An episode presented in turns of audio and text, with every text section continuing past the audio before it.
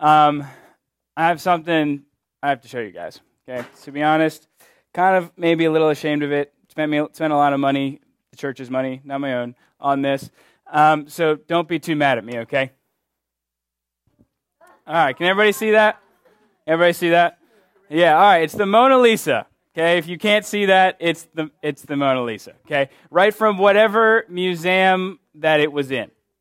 Okay, I don't know which was it the Louvre. Thank you.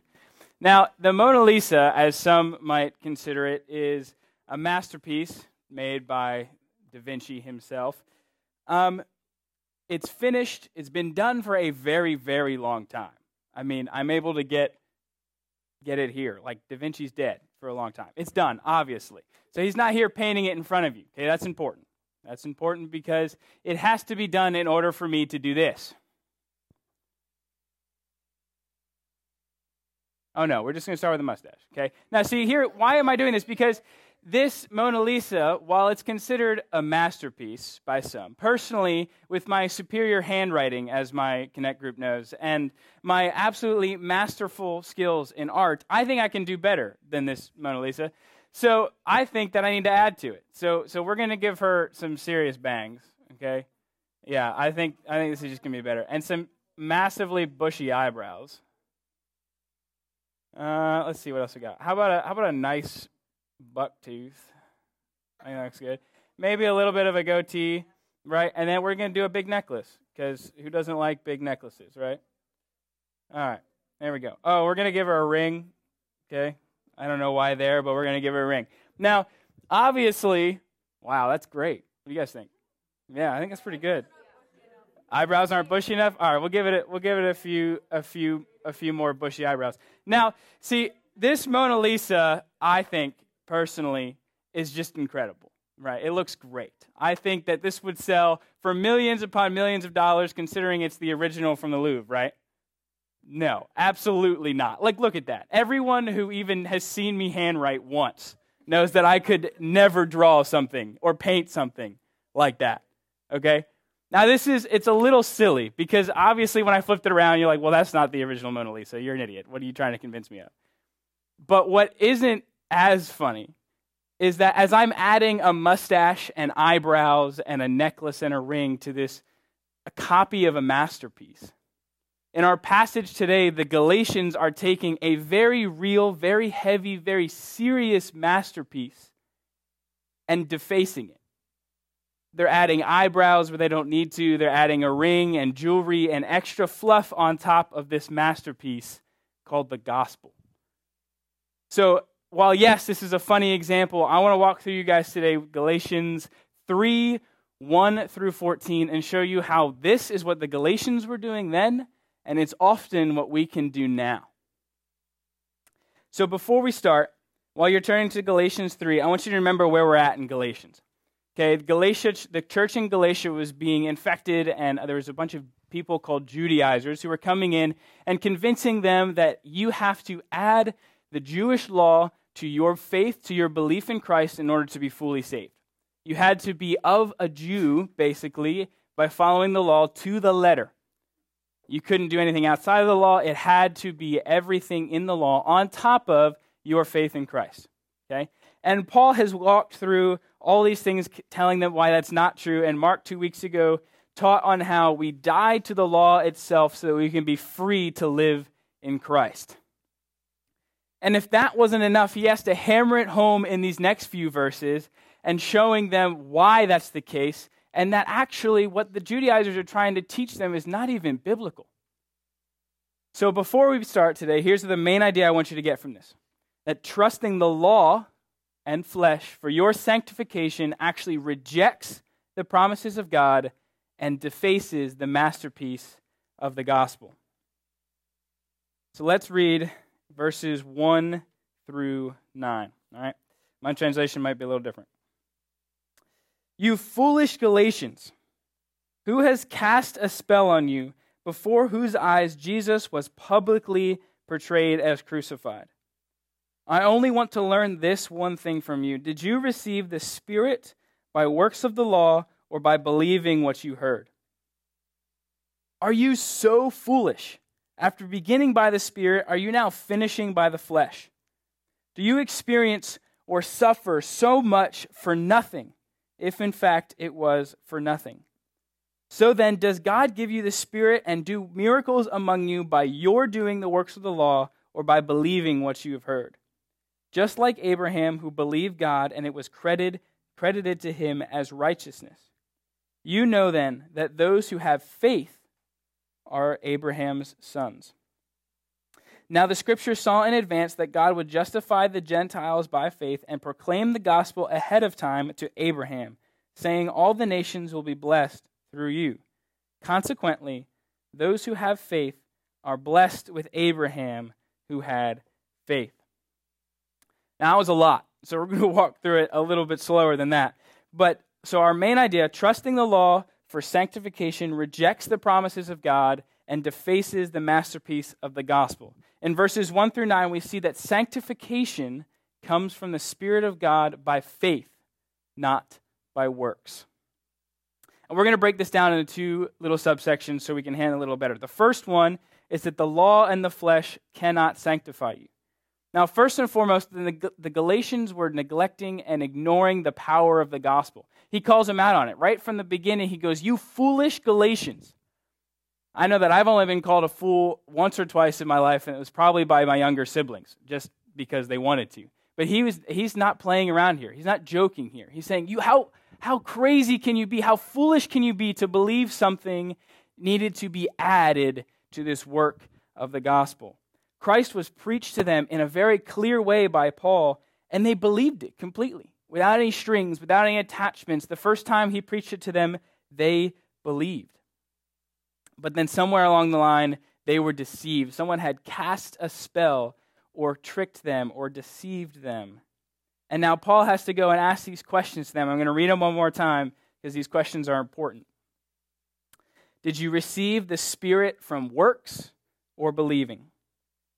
After starting in the Spirit, will you now be finished and perfected in the flesh? He's talking about sanctification, becoming more and more like Christ. Did you experience or suffer so much for nothing, if in fact it was for nothing? And finally, does God give you the Spirit, the Holy Spirit, and do miracles among you by your doing of the law or by believing what you have heard? So obviously, these questions are meant to be rhetorical because they can't answer him in a letter. But over and over, he's asking them, hey, do you see the contrast here? Is God really going to you know, give you the Holy Spirit by all the good things you have done. Is that what I preached? No, absolutely not. Is God going to perfect you by everything that you are doing or by himself? Well, no, I preach to you that it's by Christ alone. Is, or is it you that is performing the miracles based on how good you are performing your Sabbath, how often you're going to church. No, of course not. It is God who does the miracles, it is the Holy Spirit in you who does the miracles. They cannot make themselves perfect. We cannot make themselves perfect as much as they'd like to think so. It would be like me taking this Mona Lisa and actually making the real one appear, frame and all, hundreds of years old. It would be like me suddenly becoming a better artist than Da Vinci and being able to paint one on a whiteboard better than he ever could. That is the distinction that Paul is making. He goes, How could you even think that this is happening? It's foolish. There's no way you can do better than the gospel. But the question I want to hone in on, I want you to kind of see, and stuck out to me the most when I was reading, was this question in verse 4 Did you experience and suffer so much for nothing? If in fact it was for nothing. Paul's asking them point blank Are you saying that your faith, your belief in the gospel is nothing?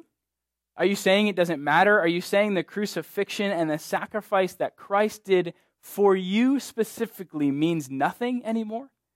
Are you saying it's not good enough to finish to the end of your life? Are you saying it's not good enough to bring you to completion? Because when you add the law, O foolish Galatians, O foolish Christians, when you add the law, you're saying, Christ, I'm good. I don't need anything more from you. Okay, thank you for dying on the cross once. Thank you for opening my eyes, but I don't need this anymore. I have the law, I have all your rules. Let me just obey them because I can be perfect. Now, we will say this again and again and again. We know we cannot be perfect. by trying to finish our sanctification or perfecting ourselves in our flesh by the law, by our own strength, we're discounting all that God has done, picking up the cross and shoving it back in his faith and going, I'm good. I'm done. I've got it from here. This is what the Galatians were doing, but we know this is foolish, and Paul knew this was foolish. That's why he wrote it twice. How foolish can you be? Oh, you foolish Galatians.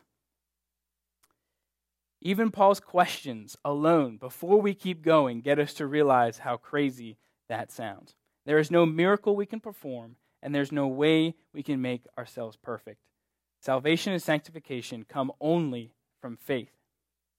Now we're going to go to this next section where he starts to talk about Abraham, someone who maybe we haven't read too much about, maybe haven't learned too much about because he's way back in the Old Testament, but this is foundational to Paul to understand where he's going with that. The promise of God and sanctification is received only by faith. And he takes him back to Abraham and specifically to Genesis 15, 5 through 6. You don't have to turn there, I'm going to read it. Then he, God, took Abraham outside and said, Look at the stars, look at them, and count them if you are able. Then God said to him, Your offspring will be that numerous. Then Abraham believed the Lord, and it was counted to him as righteousness. Abraham was declared righteous not because of the works he'd done, not because he had been a good man up to that point, not because of anything he had said or believed or told somebody not to do, but because he believed that God could actually make his descendants as numerous as the stars. And what you don't see in that passage is right before that, Abraham was over 100 years old and did not have any children. We, people don't even live to 100 these days. Yeah, they, he had no children by this point, and God was saying, Look at the stars. And I know we can't see too many over here, but in some places you can see forever, it seems. And the stars just keep going. And there was no artificial light back then. He said, Try and count these stars. You can't, but I can, and your descendants will be that numerous. The faith that Abraham had in that promise is what counted as righteousness for him. Now, the Judaizers that had come into the Galatian church were constantly pressing down on them that you have to be of the line of Abraham, in so to speak, by following the law. All the Jews are descendants of Abraham, even Christ was a descendant of Abraham. And so, in order to be saved, you have to be a descendant of Abraham, even if that means following the law. But by showing this, that Abraham came before the law, that God gave Abraham righteousness by faith way before the law, that Abraham was counted as righteous and his belief in the faithfulness of God. This, this completely takes away our ability to fall back on the law and fall back on our desire to be our own Savior. Because if the law had come first, if God had given the law to Abraham right then and there, and then given this covenant of faith to Moses, we would have been able to look back farther and go, oh, well, God gave the law first, so we must be able to do something on our own. We must be able to obey in some way because if Abraham was considered righteous for his obedience, I can too. But that's not how he did it. He did faith first and then the law. God, in his mercy, preached that gospel to Abraham years before so that we Gentiles could have our salvation. Now, on this ground, Paul is standing on, all those who have faith are Abraham's sons completely getting rid of the need to obey the letter of the law. So everyone who is an Abraham's son is an heir or in line to receive the promises that God gave Abraham. And that specific promise he outlines in Genesis 18:18, 18, 18, where God says Abraham is going to be a great and powerful nation and all the nations will be blessed through him. Now obviously Abraham is not still alive. He's not still blessing the nations with himself. But that blessing that came down through Abraham, line after line after line, and is the story of the whole New Testament leading up to Christ. That blessing was Abraham's way down the line descendant, Jesus Christ, who came from the line of David and all can be traced all the way back to Abraham. This promise, this promised Savior, is that was promised from the very beginning of the Bible. So before we move on, I need you to see one very important thing that God had put in place a way of salvation that we could not attain, that we could not do from the very beginning of Scripture. He left no room for human improvement, He left no room for human works. From the very beginning, it was his plan to send Christ and to save you. Now, it is essential we have to understand that faith alone saves before we start in the next section. Trying to do so in our, in our flesh, like I said, is means Christ did nothing. It means Christ's sacrifice does not mean anything if we try to do anything but be sanctified and saved through faith. We are again defacing the masterpiece of the gospel. But what is it we have faith in now? I mean, I'm sure you're probably going to pick it up, but I'm going to ask it anyway. Because Abraham had faith in a promised blessing.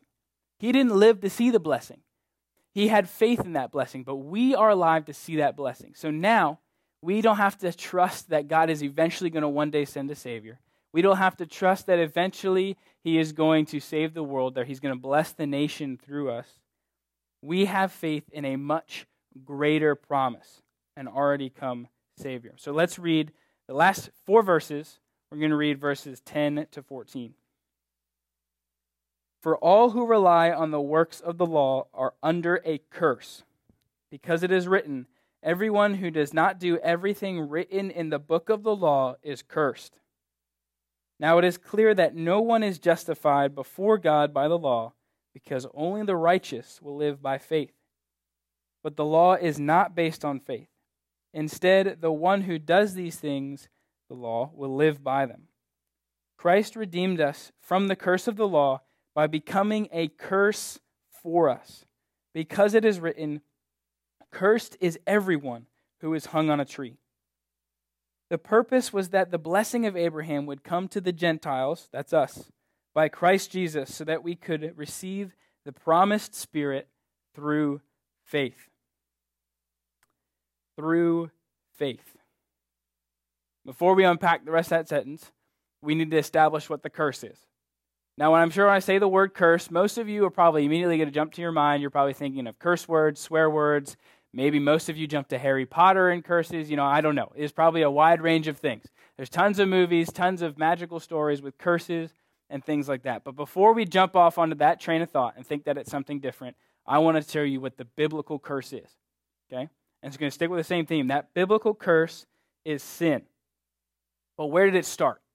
So some of you probably know the answer to this question, but I'm going to answer it for you anyway. We're going to jump back to Genesis 3 Okay, Genesis chapter 3, verses 4 through 7. Okay, we're in the Garden of Eden, and the serpent said and tempted the woman, You will not certainly die, for God knows that when you eat from this fruit, your eyes will be opened, and you will be like God, knowing good and evil. When the woman saw that the fruit of the tree was good for food and pleasing to the eye, and also desirable for gaining wisdom, she took some and ate it. Then she also gave some to her husband who was with her, and he ate it. Then the eyes of both of them were open, and they realized they were naked, and they were ashamed. So they sewed fig leaves together and made coverings for themselves. This is where the curse entered the world. Right from the very beginning, we see that the curse of sin comes from rejecting God, from rejecting obedience to God, and to following after our own desires. This is the root of it. This is where it came into the world. And so now, if we are covered in this curse, or if this curse came from Adam and Eve biting an apple, disobeying God, why are we still under it? Okay? Why are we still subject to this curse? Why do we still have to deal with it? Well, we're going to flip to another section of passage. Some of you might be familiar with it. It's Romans 3 22 to 23. It says, There is no difference between Jew and Gentile, for all have sinned and fall short of the glory of God. Now, I probably don't really need to convince you that of why we're still under the curse, because you probably either have younger siblings or you have friends or you yourself have sinned at some point and you recognize that fact. Okay, we all have sinned. We've all messed up in some way. And so this curse is inescapable. It doesn't just apply to the descendants of Adam and Eve which we all are, spoiler alert, but it applies to everyone who has sinned. Now, part of what Paul said in these last few verses is that anyone who relies on the works of the law are under the curse. Does this mean that you obeying the Lord and doing good things is cursed? No, absolutely not. We are still called to obey this law. We're still called to obey the commands of Christ. That itself is not the curse. But we can see this curse and see that we are not perfect because the law reveals our sin and our inability to fulfill it. Okay? The law reveals the sin, which is the curse, and our inability to obey the entirety of the law. That is why everyone who relies on the works of the law is under the curse. Because if you're constantly trying to keep up with the law, constantly trying to obey the letter of it for your salvation alone, you are constantly going to fail. You are constantly going to mess up. And so Paul says in Romans 7 7, what should we say then? Is the law sin? Absolutely not. On the contrary, I would not have known sin if it were not for the law. Now, let me ask you something. If you had never seen the original Mona Lisa, and I pulled this out, would you have known what on earth is on this whiteboard? No. And you probably wouldn't have reacted as much when I started drawing all this stuff on the Mona Lisa. Because to you, it's just a picture of some lady, right? Sorry. So until you actually knew who this was and what this was and the significance of this painting, it didn't really mean much when I started drawing on it. But because you know exactly who it is and exactly what it represents, then it means a little bit more. Okay, my whole illustration then works. In the same way, and Paul continues in Romans 7, verse 7, he says, In the same way, if the law did not say, do not covet, or have jealousy, or or um, murder or steal, or you can go down the list. If the law did not say those things, I would not have known what that thing was. But because it says, do not covet, do not steal, then the law brings up all these feelings of, oh, well, I want to, now I know what it is. I do covet that, and I do want to steal that, and I do want to do this. It brings all these things up that we then have to fight against. Now, the law reveals the curse, okay? And anyone who does not put the words of the law into the practice is cursed. That's from Deuteronomy 26, 27. But then also in the Old Testament, Habakkuk 2 4 says, The righteous one will live by his faith. So Paul is showing the contrast here. Life under the law equals a curse, but life under faith equals righteousness. And he put both of these into this passage to the Galatians to build upon the fact that you cannot do it by your works and that nothing needs to be added to the gospel. Only by upholding the law of God in its entirety and I don't even remember the number of how many laws are in Leviticus. Okay? If you've ever let, read Leviticus, it keeps going. Okay? There is no way we could have obeyed all of the laws. I mean, I walk too much on a Sunday to have obeyed it, right? And that's going a little extreme. But some of the Judaizers, that's what they said. They said, hey, you can only walk 10 steps on a Sunday, otherwise, you're doing work. Now, these are man's laws, and this is what happens when you try to live by the law. We will not fulfill it on our own. Now, we know from our own experience and from reading the Bible and from what I've told you that everyone who has tried to live according to the law has failed. There is a price we could never pay. So, if it's this inescapable, if it's this impossible to do, then how are we freed from that curse? How does this change? How are we allowed to stand here and sing together and worship the Lord and live in freedom? Well, look at it this way. I'm going to come back to my Mona Lisa okay? Because I love it. All right. Would anybody actually buy this Mona Lisa? Wow, thanks, guys. I appreciate it. But no, okay, no one would actually sell this. This would never work at like an art fair or something, okay? It would never work. But now, what happens if some big time art collector walks up to this Mona Lisa that I somehow got into an art display and said, Hey, I will give you $500 million for this Mona Lisa? Now, there's two things. One, he'd be an idiot. And two, I'd be an idiot for passing it up. All right? But what that art collector just did is that he just took this messed up, printed, not even taped together correctly. If you can see her eye, it's like that. It's not even taped together correctly. So he took this messed up picture and he redeemed it. He gave it value. He gave it worth. And now, when he puts it up in a frame, he's going, because the amount of money I spent on this, now if you want to buy it from me, you have to spend more. And that value keeps going up. That art collector gave more value to that Mona Lisa than anything I could ever do or anything that could ever do. Now, in the same way, the law and our flesh and our own desires are like this marked up Mona Lisa on us. We are defaced, we are dirty, we are ugly. There's nothing we could do to be of any worth or value to the creator of the universe. But rather than leaving us there, Christ has actually stepped in and said, I will not only buy this Mona Lisa off of you, I will actually be this Mona Lisa. And now I know this is not a perfect example, okay? Just bear with me. But that's the point. Not only can he buy it, because he could, he could have just gotten rid of the curse of sin. He could have just taken it away, but he doesn't. Instead, 2 Corinthians 5:21 says, "He became sin who knew no sin." Not only did he take the weight of sin off of you, not only did he put it on himself, but he actually became the very curse we are under. See, that's what had to happen in order for it to be taken from us. We couldn't just do the law and do some good things, we had to fulfill it to the letter. We had to go all the way.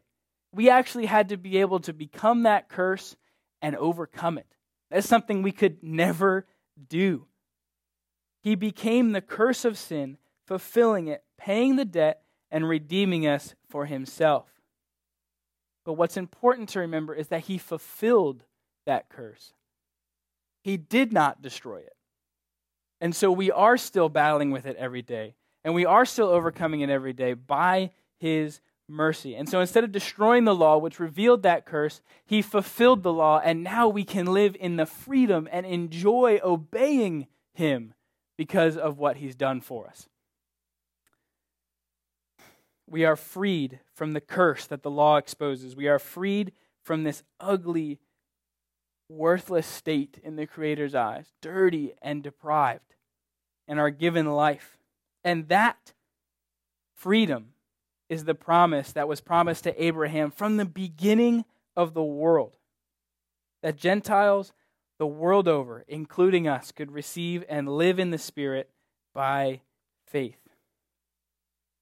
Now, we've seen that the redemption in the blood of Christ, who became the curse, was God's plan all along, even since Abraham.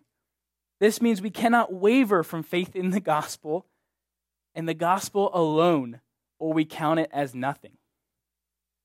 See, as soon as we say, well, thanks for paying for this, and offering me millions upon millions of dollars. Thanks for becoming it. Thanks for changing my life, turning it upside down. But I don't need just you. I also need a nice car, and I also need a really good job, and I also need safety. Oh, but I also need to want to feel like I have to do something. I also want to be the best person I can because I think that is what's going to save me. God, I can't approach you. I can't have my Bible study until I haven't lied or I haven't stolen or I haven't lusted or whatever in the past few days. That's not what it is. He completely bought it, He completely changed it, and He completely fulfilled it so that no matter what we do, we can live in the freedom and enjoy obeying and turn right around and ask for forgiveness when we mess up when we because we will. When we stick to that alone, to Christ alone, that is when the full gospel is displayed in us.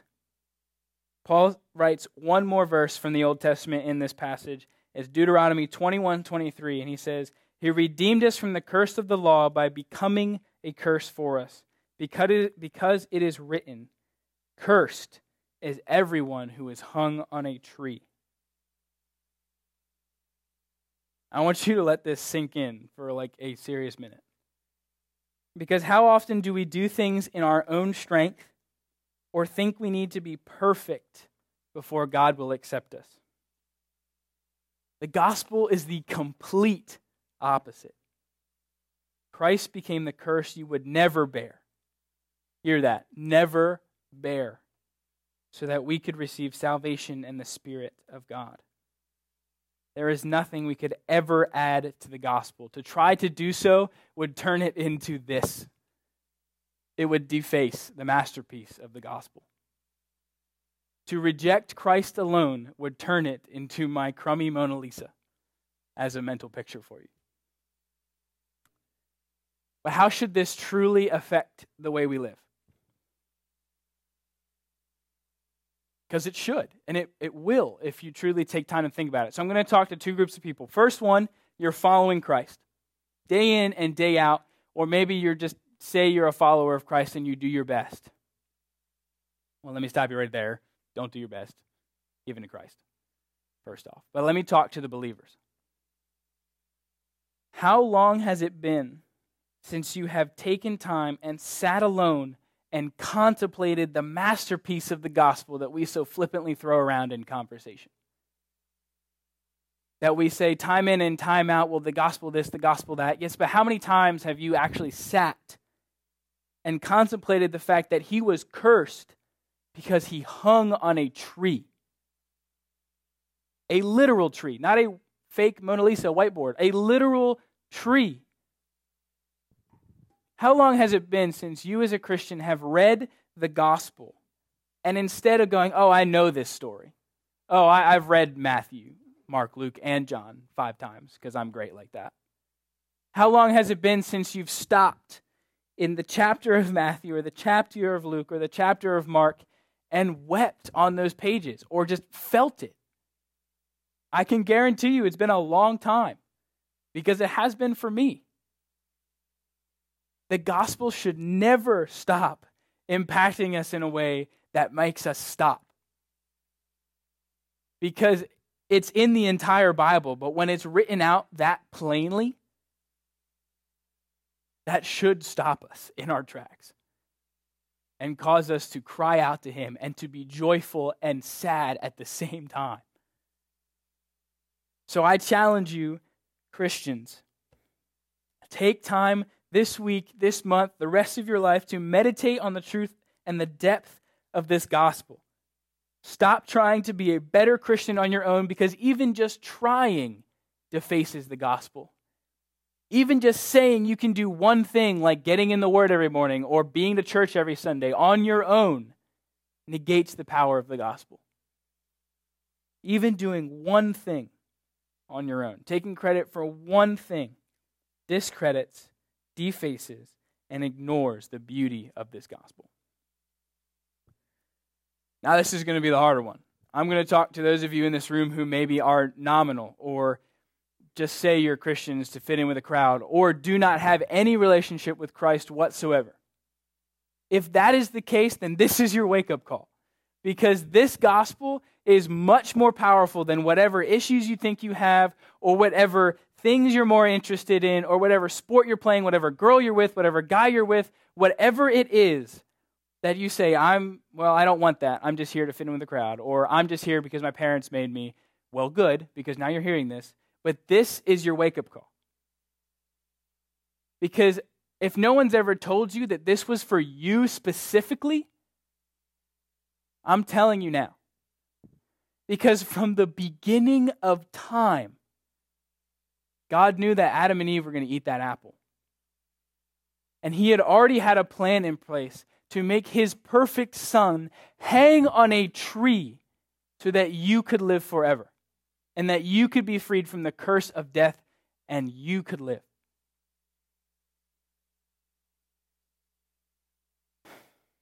So I'm asking you now if you've never heard that before, Think about what it means to make a decision for that Christ and to live in that freedom, to lay down your life in obedience to his amazing work on the cross. Jesus is calling you to himself, every one of us.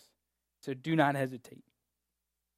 I want you to find a leader, find a mature friend, find a me or a connect group leader if that is you and you need or feel the Lord tugging on your heart to come to him tonight and find someone because don't let that pass by. Because if you do, because you do have some measure of free will somehow, that in God's wisdom, that you could let that pass by. And so I'm asking you, I'm begging you, I'm imploring you, based on this passage, that he became the curse that you would wake up and see what he did and how good that truly is.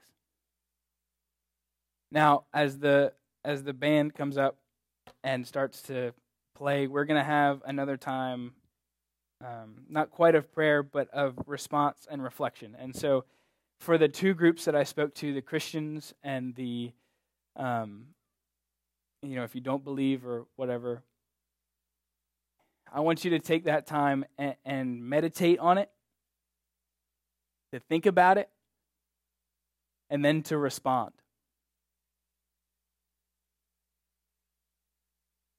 Because it's worth more, it's heavier, than we could even fathom. As Christians, we could take time to endlessly meditate on the gospel and we would still not understand it all. So I'm going to pray for us. And after that, it might be silent for a little while. That's all right. If you need to be in the Word, if you need to pray, if you need to get up and go find somebody, do so.